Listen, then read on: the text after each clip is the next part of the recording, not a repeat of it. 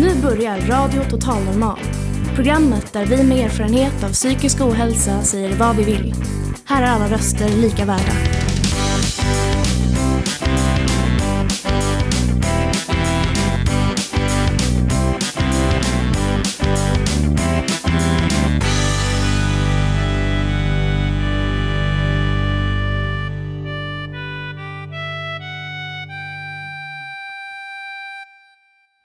Hej och hjärtligt välkomna till Radio Total Normal, ditt psyke i etern. Som vanligt hittar ni oss på 101,1 MHz i Stockholms närradio. Vad innebär diagnosen komplext posttraumatiskt stresssyndrom? Förkortat CPTSD eller PTSD komplext som det också ibland kallas. Visst låter det ganska invecklat? Det kan ju vara nog så svårt att förstå vad PTSD, alltså posttraumatiskt stresssyndrom, är. Så vad i all sin dar menas då med att det dessutom är komplext? Ja, det är just vad vi ska försöka ta reda på idag. Till vår hjälp har vi sjuksköterskan Jeanette Nord och psykoanalytikern och hypnosterapeuten Mattias Ottosson. Båda har tyckt att det har funnits för lite information om den här diagnosen har därför läst på och utbildat sig själva i ämnet och startat plattformar på nätet där de informerar den som vill veta mer. Jeanette driver Traumaskolan på sociala medier och Mattias kanal heter Gestalt och hypnoterapi. Vi har också Jolanda med oss som för ett år sedan fick diagnosen. Hon berättar hur det är att leva med den och hur hennes resa och tillfrisknande varit. Så hjärtligt välkomna till dagens program. Jag som pratar heter Malin.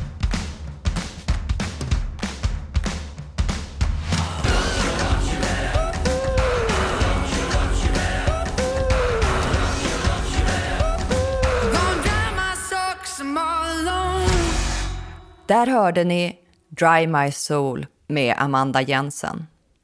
Dagens program handlar som sagt om komplext posttraumatiskt stresssyndrom. En relativt ny diagnos som de flesta av oss nog inte riktigt vet vad den innebär.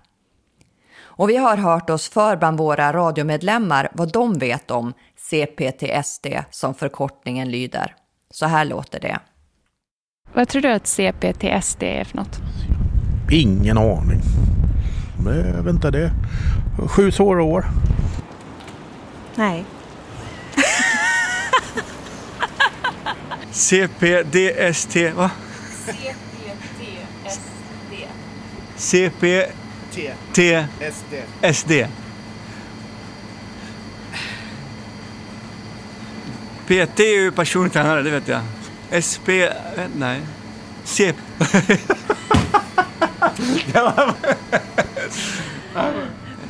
Alltså det kopplar inte. Alltså jag är sämst på förkortningar. Jag har absolut inte en aning. Jag vet inte. Nej, det är nog något nytt, men jag vet inte vad det är för något. Ja, är det P, för P, nu vet jag det. Ja, jag tror jag vet vad det är. Men, ja, någon, ja, jag tror jag vet vad det är, men jag kan inte förklara.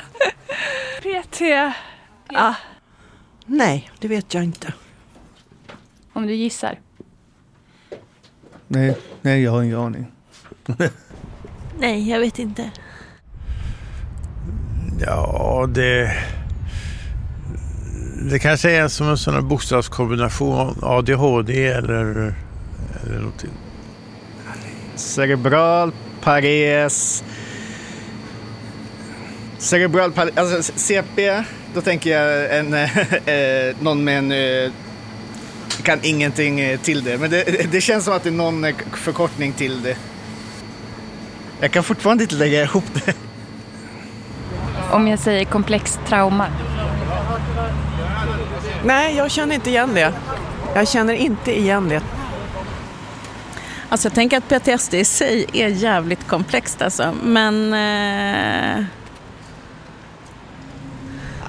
Jag tror att det är någon stressfaktor. Om man har varit med om något eh, dramatiskt i sitt liv så kanske man inte kommer, kan, kanske man inte kan glömma det så det blir ett trauma av något slag. Något trauma som är komplext kanske. Man lever i en bubbla, bara fokuserad på en sak. Typ att han har varit med om en olycka så man ser olyckan framför sig alltid var man går. Det förstår jag. Och komplex att man går och tänker på det här dag in dag ut. Man är fokuserad på händelsen som har hänt. Då är man trauma. Är det det kan vara? Jag kan ju tänka mig, men eh, jag vet inte på rak arm. Nej. Vad tänker du dig? Jag tänker mig att eh, det är en väldigt svår skada på ett eller annat sätt. Som är svår att komma åt. Okej. Okay. Ja, men då är det ju någon typ av... Någonting kopplat till kanske posttraumatisk stress.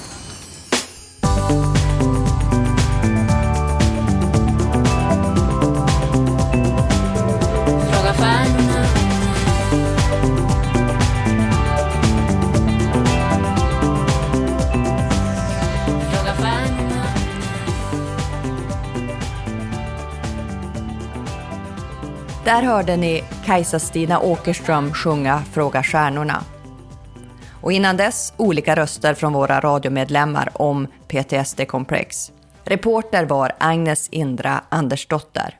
Ja, och som ni hörde var det inte många som visste vad komplext PTSD är. Och diagnosen är också relativt ny. Men genom tiderna har det pratats om CPTSD från olika håll utan att man kanske riktigt vetat sig prata om samma sak eller ännu haft ett namn för det.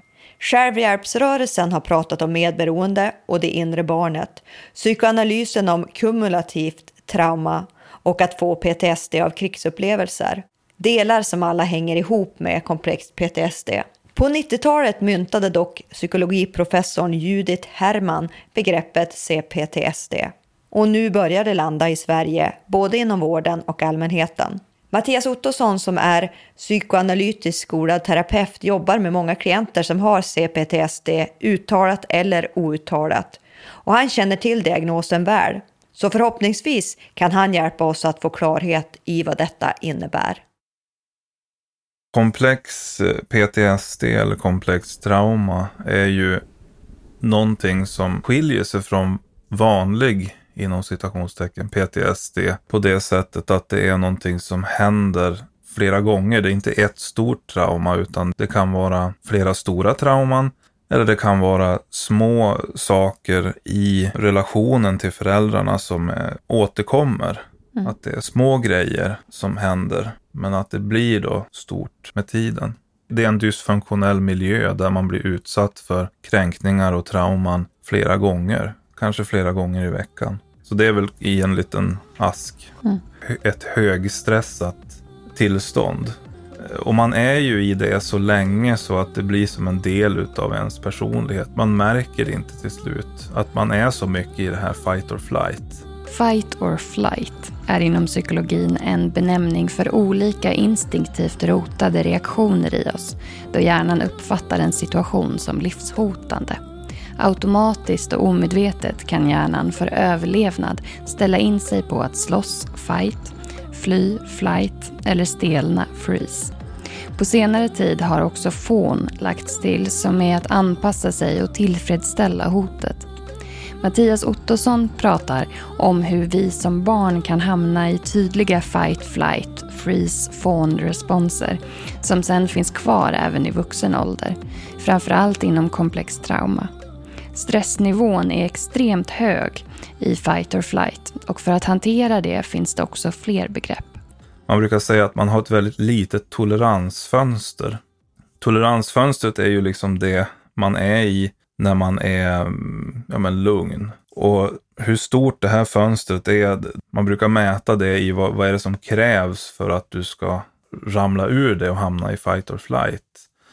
Så, så man, man, man vet inte om man, man känner det inte som någonting konstigt utan man har liksom lärt sig att leva med det på ett sätt.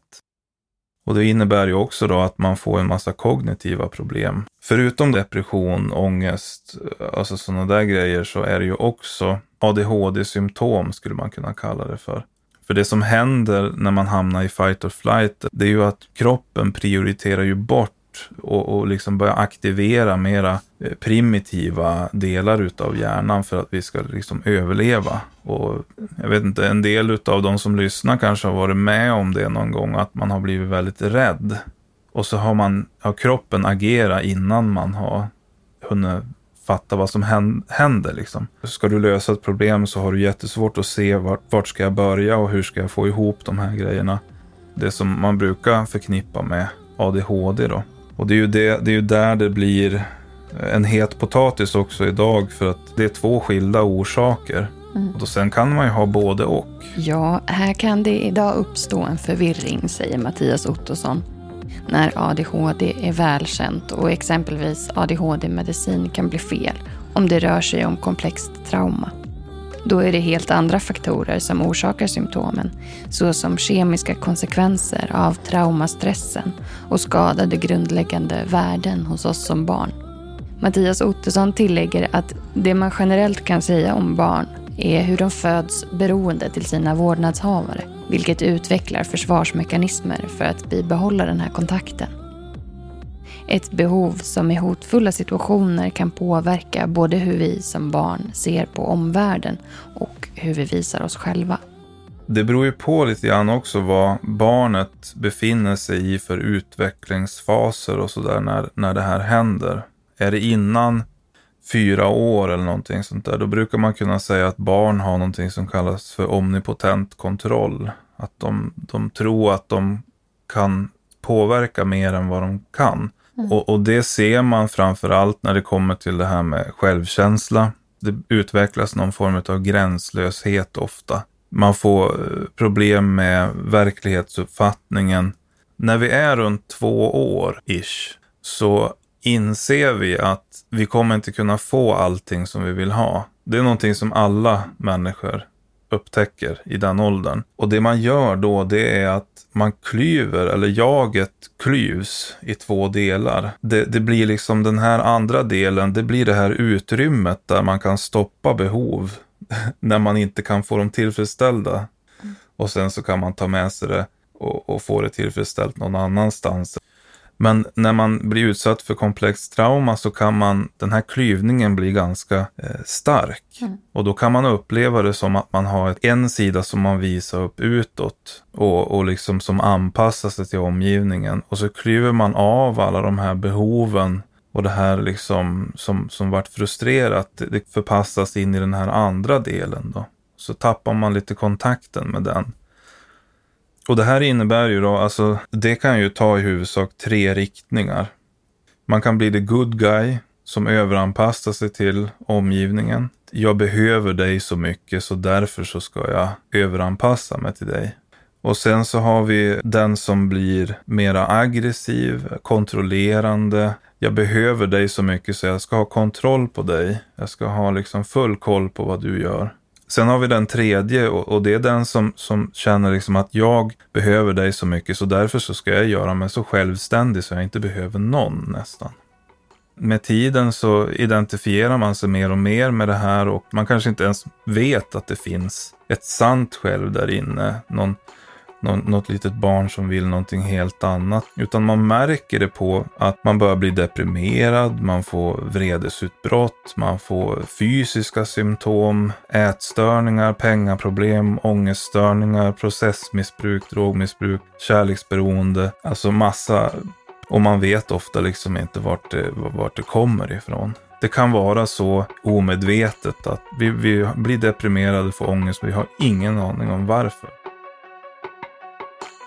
Längre fram i programmet så hör vi mer från psykoanalytiker Mattias Ottosson som då pratar om hur man kan behandla komplext trauma.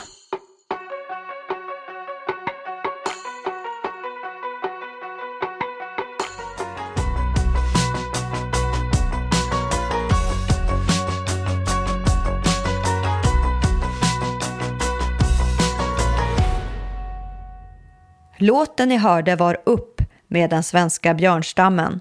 Och innan dess förklarade Mattias Ottosson, psykoanalytiker och terapeut, vad komplext posttraumatiskt stresssyndrom egentligen innebär. Reporter var Agnes Indra Andersdotter. Ja, nu har vi nog alla fått lite mer kött på benen i förståelsen av komplext trauma, hoppas jag.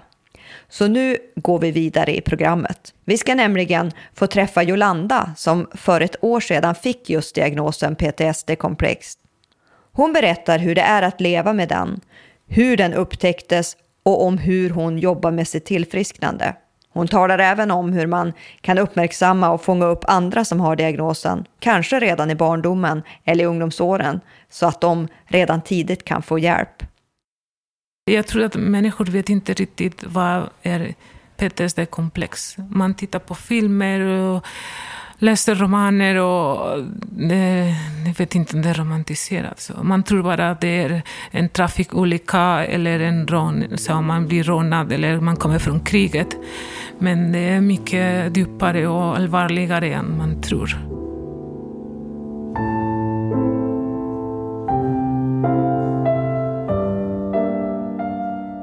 Du, får, du bär med dig sen du är ganska liten och det påverkar och präglas hela din vuxen, så tonåring och vuxenliv. Du tappar på något sätt din identitet, du vet inte vem du är.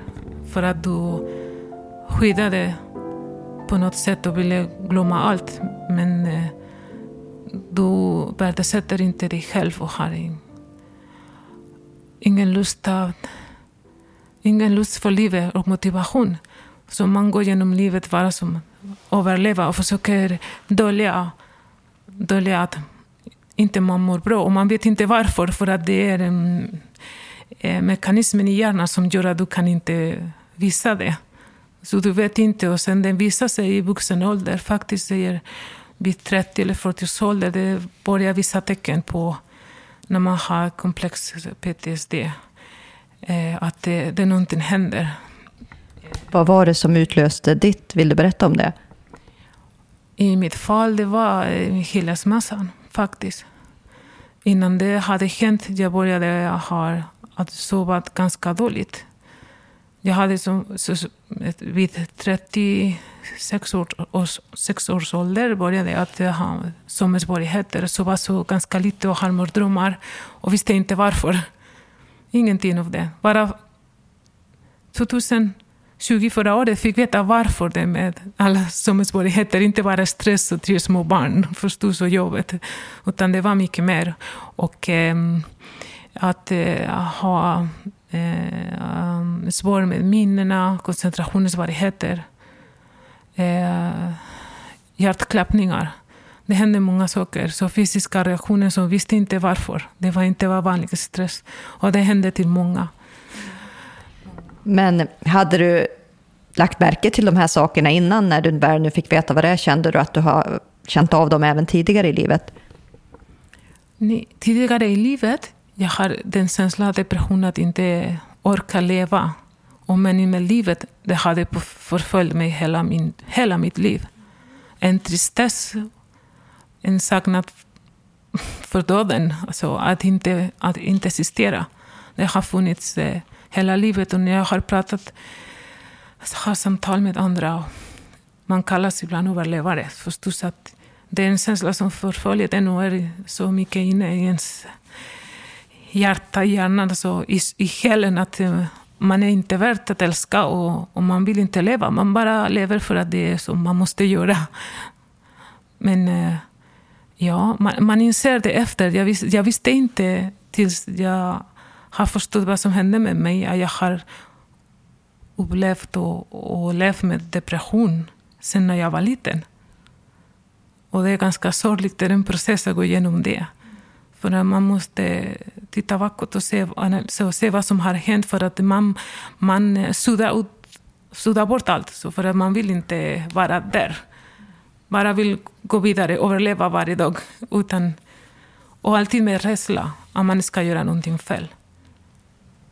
Rädsla är det värsta. Osäkerhet och rädsla. Om man inser att jag har levt hela mitt liv med rädsla och osäkerhet och otrygghet.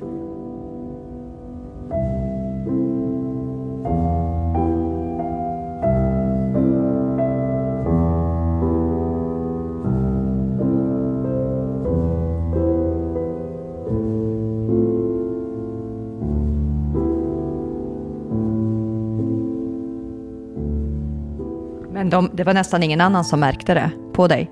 Nej, ingen annan. Ingen annan. Och därför är det så att, att, att låtsas, så man döljer på bästa sättet om man, är inte, om man mår inte bra. Så. Det är en, sån, en djupt, djupt sår som finns inne i hälen. Att man vill, inte, man vill vara, jag brukar säga osynligt. Man vill vara osynligt. Och man måste lära sig att, eh, eh, att leva med andra och gå genom livet och studera och jobba när man egentligen vill inte finnas där. Vill vara osynligt. För att man tror att någonting är fel på en och man vet inte varför.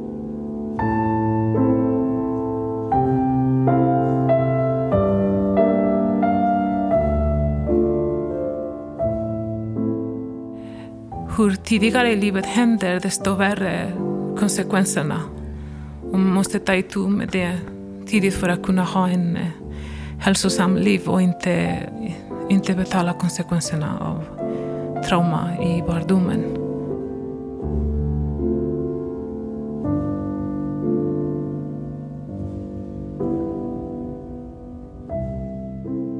Känns det som att du är på rätt väg nu när du har fått den här diagnosen och börjar få terapihjälp?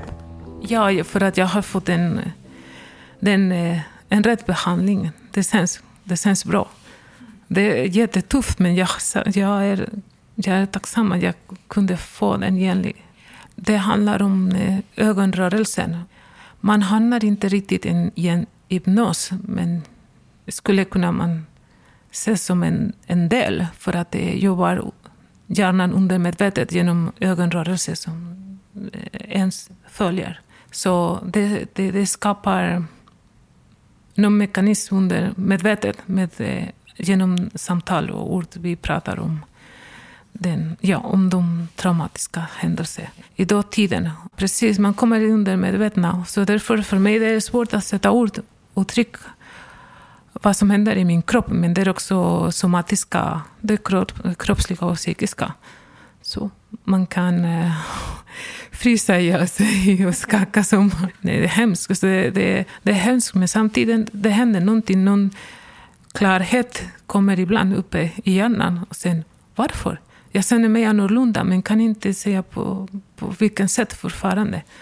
Eh, men det händer saker, så jag är rätt positiv. Det, det, det är tufft, fruktansvärt att gå igenom det, men det är rätt väg.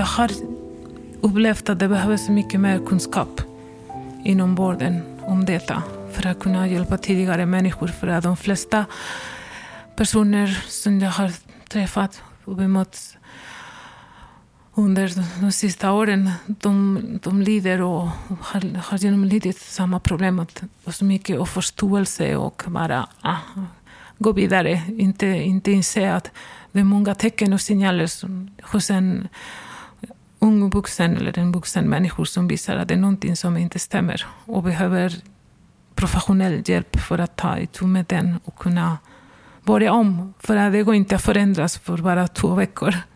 Det är jättesvårt. Om det är inte tidigt någon som ser det och, och hjälper dig att återta. så att, att, att lära dig att men du är värd, du är värd att älska, alltså, att bli älskad, sedd och du är ingen sak som man kan använda då eh, man kan leka tidigare, tror jag, leka tidigare, men om, om, eh, om det blir en hemligt, då det står där i hjärnan gömt hela resten av livet.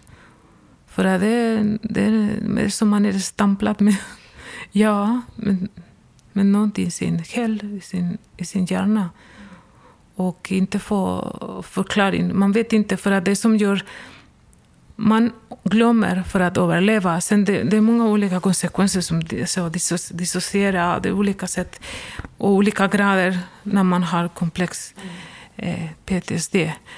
Men eh, en av de värsta och gemensamma är därför ingen värdighet. och man vill inte finnas för att det är så jobbigt. Och därför som, som barn kan inte sätta någon gräns. Och, och jag menar, en fysisk, en, en, en, en fysisk och psykisk misshandel är så allvarligt så en övergrepp, en sexuella övergrepp är fruktansvärt. Så därför, och mest så i barndomen, om man inte kan berätta till någon och, och påminna en att man är inte en, en sak, då, då det hela livet det, är inte man är skadad. Skadad är ett starkt ord. Men trasig. Om man är en trasig själ. En trasig själ. Mm. För man vet inte vem man är. Alls. Det var beroende på den andra personen som hade makten och använde den.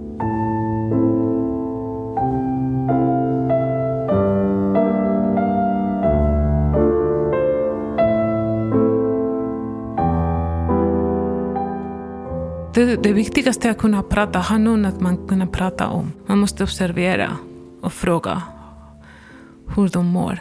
På något sätt, jag har um, också upplevt och insett att pers personer som har gått igenom den här har en, en särskild um, känslighet så för att känna att andra mår mm. inte bra. De flesta människor som, flesta som har, har, har PTSD-komplex har en extra känslighet av att känna av att andra, andras behov och att andra mår dåligt. Men inte peka, inte anmäla, bla bla. på det sättet, nej, men se hur en, ett barn mår på riktigt. För att det syns, det syns i, sina, i sin blick. Jag insåg efter när jag analyserade och bakåt i tiden hur det var med mig, men ingen... Det är också det hör till en annan generation om man inte hade så mycket information, utbildning och eh, uppfostran var annorlunda och man bryr sig inte om det. Så nu vi har mycket mer. Så att man uppmärksammar. Mm. Inte på ett hysteriskt sätt och bara kolla, utan man, man ser när ett barn mår bra. Inte man är bara, inte är så supersocial eller öppet. För det är olika personlighetsdrag också, men det syns när en, ett barn eller en ung, en ung människa mår inte bra. Åtminstone det som jag känner. ja.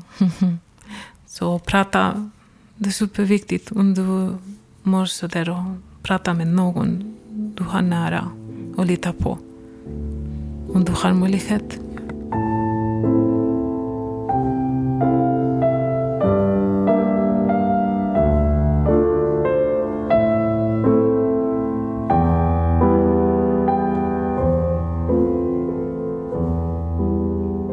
Den här var ett tufft ämne för mig och riktigt tufft. Och hoppas att, jag vet inte, det jag berättar hjälper andra att våga prata. Och våga tala med sin, som sagt, en nära vän, en familj. Inte gör som jag gör och många gör, som är oundvikligt nästan. Själva det beteende man har gör att man, man blir så här. Så försök, om man ser att man börjar att vara mer tillbakadragen och inte försöka prata med någon och inte hyperanalysera, men analysera vad, vad hände med mig och varför. Inte bara glömma bort. För man säger glöm allt, glöm allt. Och kanske det är saker man måste komma ihåg för att kunna gå vidare. Mm. Måste komma ihåg och lösa var, vad som är fel. Varför jag mår som jag mår. Mm. Och man behöver hjälp när man själv kan inte komma in. För att det är så djupt rotat i hjärnan, i under, undermedvetet, att man kan inte sätta ord. Så ord och känslor, eller känslor, man bara går som en ekorrhjul genom livet. Och, och mest tänk på att du inte, att man inte tycker, så tycker om sig själv och man inte tar hand om sig själv alls. Det är också inte en dålig tecken. Man kan vara snäll och vara alltid vet, till tjänst och hjälpa andra, men när man aldrig stannar och tar en andetag och, och gör någonting man tycker om, då tänker kanske, vad hände det? Mm -hmm. Man mår inte bra.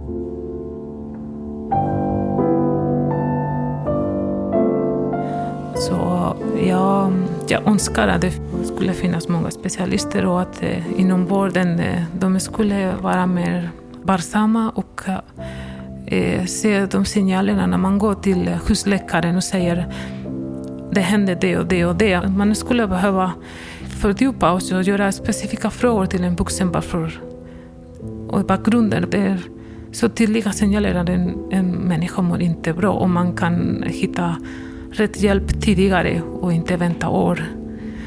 Och dåligt mående eller till och med att det är för sent och människor tar livet av sig. Så.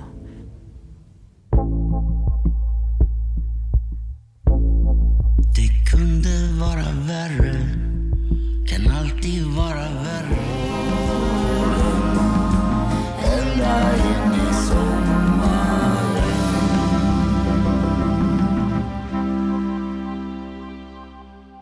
Där hörde ni Nu lyfter vi från marken med Freddy Wadling. Innan dess berättade Jolanda hur det är att leva med diagnosen CPTSD, alltså komplext posttraumatiskt stresssyndrom som dagens program handlar om. Håll utkik på vår Facebook-sida så kommer vi att lägga ut länkar till ställen där du kan hitta mer information och tips på vart du kan vända dig om du kanske tror att du lever med diagnosen eller att någon i din närhet gör det eller om du bara är intresserad av att veta mer. Nu ska ni få höra visan Två tungor framförd av Kristina Weideskog.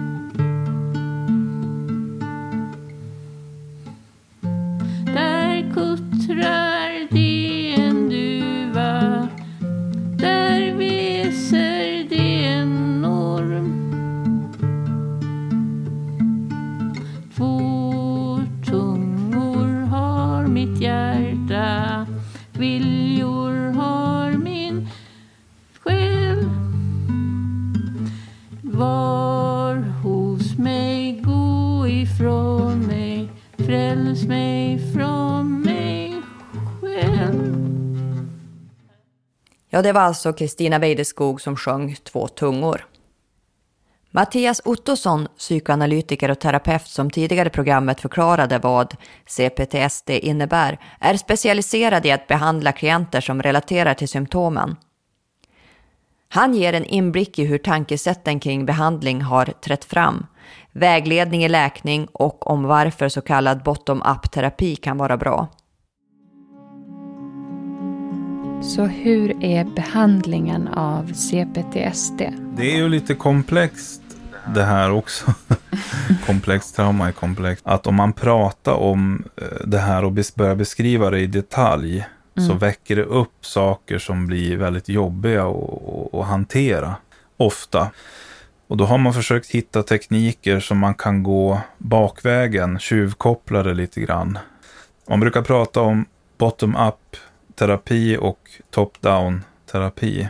Och det man menar med bottom-up terapi är ju att man påverkar nervsystemet eh, direkt på ett sätt som gör att du kanske inte behöver vara i kontakt med det här traumat jättemycket för att du ska kunna bearbeta det. Utan vi jobbar med nervsystemet och har effektiva tekniker för att lugna ner det.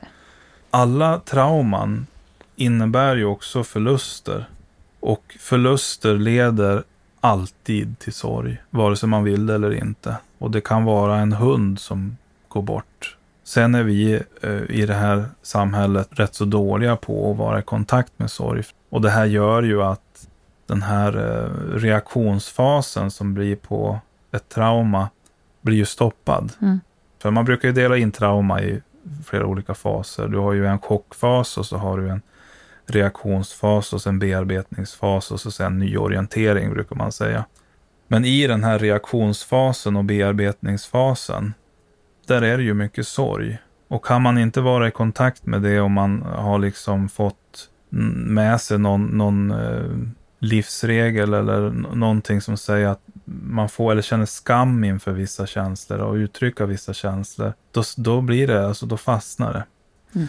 Det finns ju en psykolog som, han är ju rätt gammal nu, som heter Peter Levin. Han har skrivit en bok, eller han har skrivit många böcker, men bland annat en bok som heter Healing Trauma, som, som handlar om mycket- mycket det här. Och han säger så här att traumatiska symptom orsakas inte av händelsen i sig. De kommer ifrån de nedfrusna resterna av energi som inte har blivit utsläppta. Dessa rester förblir instängda i vårt nervsystem där de kan bli förödande för våra kroppar och själar. Mm.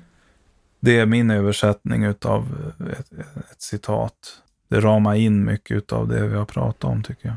Mm. Kan man ha CPTSD till viss del? Ja, alltså det tycker jag. Men det är ju som med allt, man kan ju dela in det i olika grader. Mm, Just det. Ibland, ibland kan det vara lättare att ha ADHD och så kan det vara så att man egentligen har komplex PTSD men man vill inte lägga skuld på sitt familjesystem. Eller så kan det vara tvärtom, att man, man vill inte ha ADHD och då kan jag vilja ha komplex PTSD för att det känns lättare. Eh, Så vi kan trassla in det här i eh, ja, vårt, våra undermedvetna strömmar. Så därför så, så tycker jag att man kan absolut diagnostisera sig själv väldigt, väldigt mycket mer än vad man tror. Men det är bra om man får det bekräftat också. Mm. Eh, det, det är ju bara du som känner dig själv bäst. Du vet ju och du känner ju när det är någonting som är ett problem. Och det gäller att kunna lita på det. Och man, man brukar kunna känna om en, en läkare säger att det här, du har inga problem. Men det känns jättetydligt att jo, fast det har jag. Och då är det det man ska lita på. ja. Lay down, lay down, lay down, sweet child.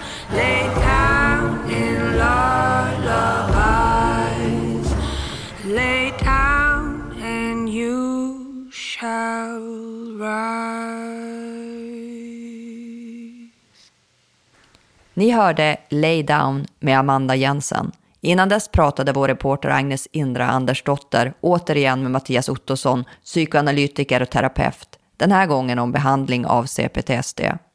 Nu ska vi lyssna på Jeanette Nord som driver informationssajten Traumaskolan. Jeanette är utbildad sjuksköterska med en Bachelor Science i botten. Och i början av programmet fick vi höra att ADHD och komplext PTSD till mångt och mycket liknar varandra symptommässigt och att det ibland kan bli en feldiagnostisering. Jeanette har fått diagnosen ADHD, men kände själv att det inte riktigt stämde och efter att ha läst typ allt hon kom över om PTSD-komplex blev hon ganska så säker på att det var vad hon egentligen hade. Hon märkte under sitt researcharbete att det saknades kunskap i det här ämnet både i samhället och inom vården och startade därför Traumaskolan där hon samlar ihop och tillgängliggör information hon kommer över så att den som vill och behöver på ett lätt sätt kan få tag på samlad information om saker som rör komplext trauma. Så här berättar hon själv om sin resa. Jag insåg ju ganska tidigt att det här, mina problem är inte ADHD-relaterade utan det är förenat med det jag har varit med om. Och så började jag göra research globalt och hitta då eh, traumafältets största namn. Liksom. Eftersom jag har en, en bachelor in science i botten, jag är sjuksköterska och eh, pluggat på Karolinska eh, folkhälsovetenskap så började jag ju nysta i det här. Då, då. Och så tänker jag att det är ju aldrig någon antagligen som sitter där och vill en illa. Men hur kan det då bli så fel? Och sen kan man ju inte då dra mig själv som generalisering över alla, att det är likadant för alla. Men det var ju det som var så att säga sporren som gjorde att jag började Eh, forma traumaskolan. Jag har ju bloggat då i tio år.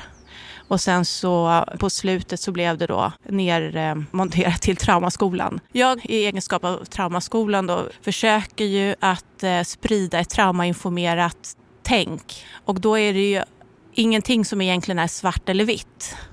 Utan det har ju med individens nervsystem att göra om, om individen har blivit traumatiserad eller inte. Så olika händelser kan ju vara traumatiserande för vissa men inte för andra. Fast de är likartade. Så att jag tycker att ett traumainformerat perspektiv är ett mycket mer holistiskt perspektiv att titta på saker utifrån. Där man inte ser människor som friska eller sjuka. Utan vad har du varit med om? Det är det som är det betydelsefulla. För det påverkar ju då våra toleransfönster. Och det är när vi blir återtraumatiserade som vi hamnar utanför toleransfönstret.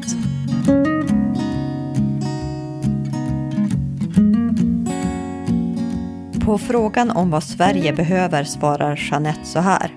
Jag vet att det finns organisationer som har interventioner för hur man implementerar traumainformerat samhälle. Så det är ju det Sverige skulle behöva. Man från politisk nivå inser vikten av det här därför att det finns otroligt mycket pengar att spara. Och eh, ja, att man jobbar förebyggande och att folk får en större förståelse för det här med anknytningens roll. För anknytning är ju en, en viktig aspekt i just komplextrauma utan att ha ett, ett dömande perspektiv på det. Så det handlar inte om att föräldrar är värdelösa och saknar föräldraförmåga utan det handlar om mer om, om bristande kunskaper och att man i 70 procent av fallen ärver sina föräldrars eget anknytningsmönster. Så att det här är ingenting man gör i ett medvetet perspektiv utan det är någonting som ja, i 90 procent av fallen så handlar vi utifrån vårt undermedvetna. Är man oterapeutad och inte har kontroll på sitt undermedvetna så är det det som styr ens liv. Vi frågar vidare hur hon skulle vilja att synen på trauma skulle se ut i svenska samhället och inom vården om hon fick drömma. Ja, då skulle vi ha ett mycket mera medkännande samhälle. Och någonting som är på, på tapeten i den tid vi lever i just nu, det är ju det som har hänt i det engelska kungahuset, där Oprah Winfrey har ett samarbete med prins Harry och där man har ekonomiska resurser att sprida det här traumainformerade perspektivet. Så det kommer ju gynna även oss. Och vi bor ju ganska nära Storbritannien. Så att jag, det, jag tror att det är på gång. Men, men sen har vi ju ett forskningsparadigm i Sverige och en socialstyrelse också som står för riktlinjerna. Har man traumainformerade linser på sig, då inser man att KBT inte är första av hans val. Och det är att man utgår från intellektet. Men är man utanför toleransfönstret så har man inte med sig sitt intellekt. Så det är därför vi behöver bottom-up. Eh, utanför toleransfönstret eh, så, ha, så uppfattar kroppen fara. Och då kan man liksom inte eh, resonera med sig själv, för man har inte resonemanget med sig. Det här handlar om att man ser individer för vem den personen är och vad den har varit med om. Och att man anpassar livssituationen, arbetsmiljön och liksom utifrån den personens förutsättningar. Och alla människor vet ju att om man skaffar sig en coach så får man ju ingen framgång med någon som slår på en och tycker att man är är dålig. Utan det är ju genom att se ens tillgångar, det är där man kan växa. Jeanette tror att det är väldigt vanligt att folk går omkring och bär på obearbetade trauman. Kanske till och med mycket vanligare än man kan tro. Och att många inte ens vet vad som orsakade traumat eftersom det kan ligga flera generationer tillbaka i tiden om du tittar på en bild på en gravid kvinna så har ju hon ett barn i magen och i barnets mage så ligger ju fruktsamheten till nästa generation. Om då den gravida kvinnan är utsatt för en väldigt hög portion stress så kan ju det även påverka bebisen i magen men också bebisens sina ägg. Så att det är liksom tre generationer som är med i den här situationen. Så du behöver ju inte vara medveten om, om vad det är som har traumatiserat dig.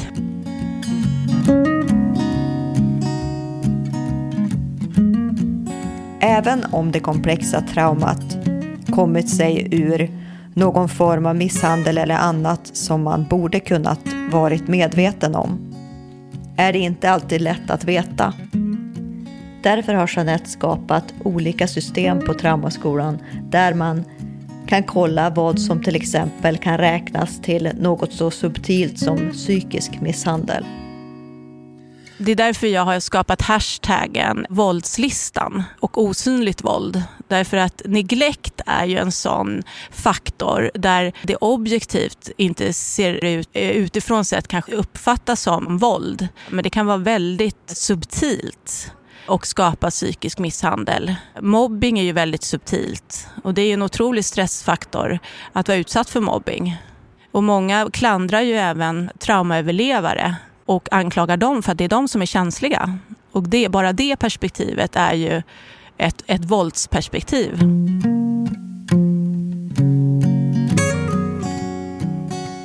Man kan ju tycka att utvecklingen går lite sakta och att det är konstigt att vårt samhälle och vår vårdapparat inte vet mer om det holistiska synsätt som behövs för att jobba med läkning av komplext trauma. Jeanette tror att det här kan bero på ett slags högmod, att inte vilja lära om och lära nytt när man redan sitter på en kunskap. Jag är helt övertygad om att vi är inne i ett paradigmskifte. Alltså, att vända en skuta det gör man inte över en natt. Men när man en gång har fått med sig en kunskap så kan det vara svårt att förändra den åsikten man har om, om ett ämne. Så det kan vara liksom lite tungrot som jag då det jag lärde mig om kroppen anatomiskt när jag gick på sjuksköterskeutbildningen, då fick jag ju inte med mig kunskapen om traumanerven, vagusnerven och hur det kompletterar synen på vårt autonoma nervsystem. Eh, utan den här teorin då, som har bidragit då till att man mera eh, holistiskt och anatomiskt också förstår trauma på ett helt nytt sätt och hur viktigt också lymfsystemet är för vår hälsa. Så det är kunskaper som slog ner som en bomb i mitt huvud trots min utbildning då och tänker hur kan jag jobba som sjuksköterska utan den här basala kunskapen? Så det, kunskap är ju en färskvara. Vi får aldrig bli så högmodiga att vi tror att vi är fullärda eller att vi inte kan lära om och se på saker och ting på ett nytt sätt. Ju mer utbildad du är, ju svårare har du att, eh, så att säga, ifrågasätta dina kunskaper. Och omvärdera, omförhandla dem och omvärdera dem. Det är något, det är något allmänmänskligt liksom vi har. Så att, ja, det kan vara svårt för alla. Jeanette tror att coronapandemin faktiskt kan vara det som till sist vänder skutan och får ut den nya kunskapen om komplext trauma så att vi kan börja använda oss av den på riktigt. Det finns en kvinna som heter Deb Dana som har myntat begreppet glimmers. Och eh, det är motsatsen till det som utlöser en återtraumatisering, vilket är triggers.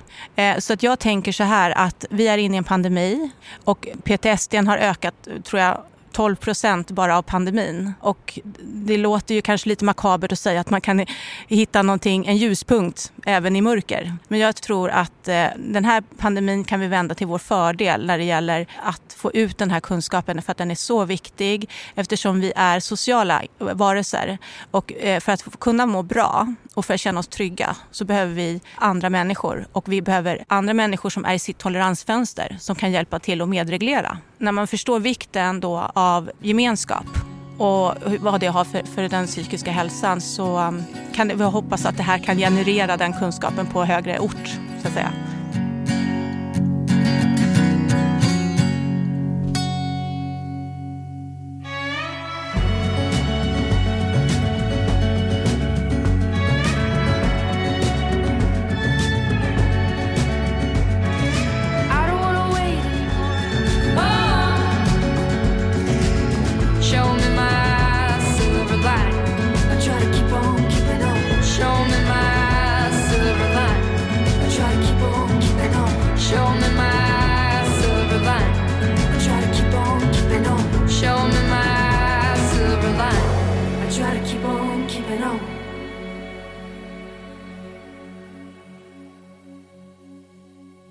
Innan låten hörde ni Jeanette Nord berätta om komplext PTSD och om sin sida Traumaskolan som du kan hitta på sociala medier.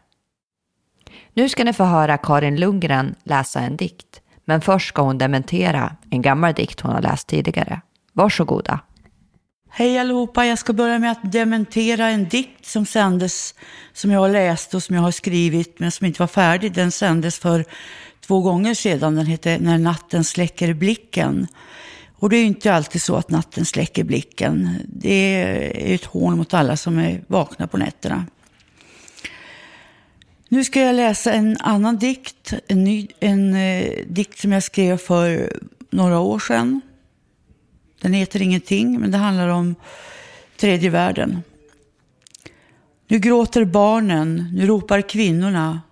Nu speglas kriget genom hornhinnorna. Och målen suckar och vinden flyr. Och inget växer och hatet gryr i ännu ett fattigt land. Vem tar din hand? Vem skildrar gevär? Ingen vet vart hän det bär. Nu samlas alla sårade soldaterna och hatet bryter ut i samtalstonerna. Vi ska göra slut med alla kanonerna. Och livet kommer nog nästa sommar. Vi samlar drömmar och läker sår och tröstar barnen och lugnar kvinnorna. Vi väntar blott på en segerdag. Vem är för svag i denna kalla tid? Vem tror på tal som skänker kval? Vi samlas åter, begraver bröderna och samlar risgryn och de torkade grödorna. Ger ingen mat. Ännu ett år vi svälta får, vi svälta får. Vi ska ge oss av till bergens värld, var pojke på axeln ett oljat gevär. Nu gråter barnen, nu ropar kvinnorna, nu speglas kriget åter i hornhinnorna. Vems son blir kvar bland bergen i natt och vem blir livlös utan sin kraft? Var kväll i bön hörs mödrars stön och sorg som viner i vinden var afton när liemannen har hämtat sin skörd av ond bråd död. Det var allt vad vi hade att bjuda på idag. Nästa sändning blir den 13 maj. Missa inte den. Har du något att berätta och vill vara med i programmet, då kan du höra av dig till malin radiototalnormal.se. Det går att spela in på mobilen och skicka in. Du kan alltid lyssna på oss via hemsidan www.radiototalnormal.se. Där ligger alla våra program samlade. Du kan också hitta oss på Facebook, Twitter, Instagram och där poddar finns. Radio Total Normal drivs av mediehuset Fanzingo med stöd från Fountain House, Socialstyrelsen och ABF. Tekniker Johan Hörnqvist. Praktikant Agnes Indra Andersdotter och jag som pratade idag heter Malin och jag är också producent. Innan vi avslutar programmet helt ska vi spela låten Vi måste våga tala om det med Hasses kompis. Den handlar om att man ska våga prata om sin psykiska ohälsa och det har vi hört i det här programmet idag att våga tala om vad du än känner, vad du än har varit med om. Det är första steget till läkning. Ha det fint allihopa. Hej!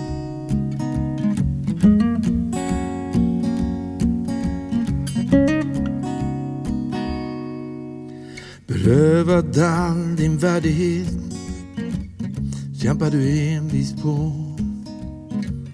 Prövad i all oändlighet tills du inte orkar stå emot. Jag har sett all din smärta men det är inget jag rår på. Jag har min egen svärta och försöker att förstå. I allt som faller samman finns alltid något som håller det ihop.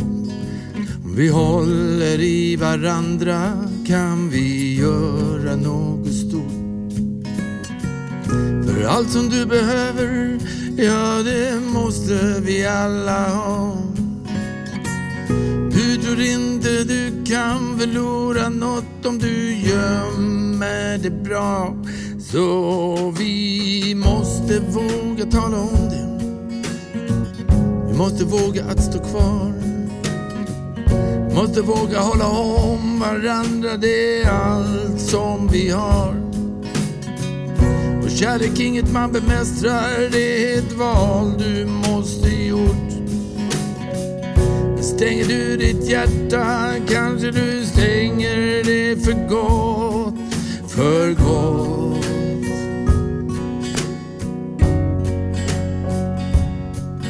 För om, för gott.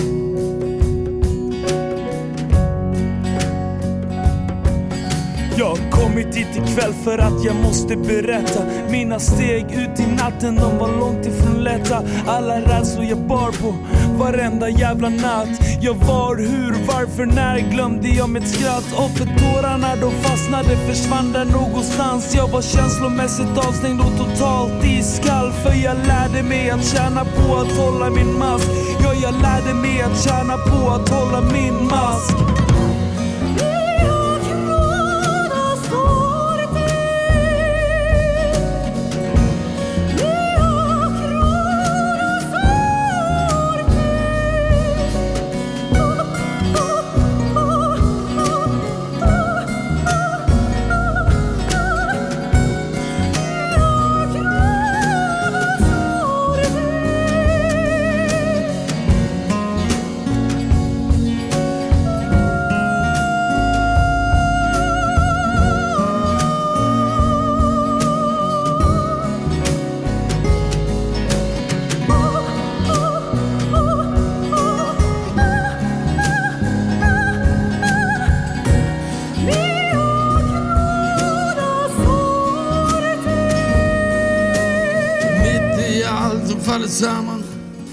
Alltid något som håller det ihop. Om vi håller i varandra kan vi göra något stort. Vi kan göra någonting stort. För allt som du behöver, ja det måste vi alla ha. Ja, det måste vi ha. Du tror inte du kan förlora något om du gömmer det bra. Så vi måste våga tala om det. Måste våga att stå kvar. Måste våga att stå kvar. Måste våga hålla om varandra. Det är allt som vi har. Det är allt vi har. Vi måste låta masken falla och säga här är jag. Vi måste se oss alla och ljuset som vi har, som vi har. Det finns ett ljus i varje hjärta.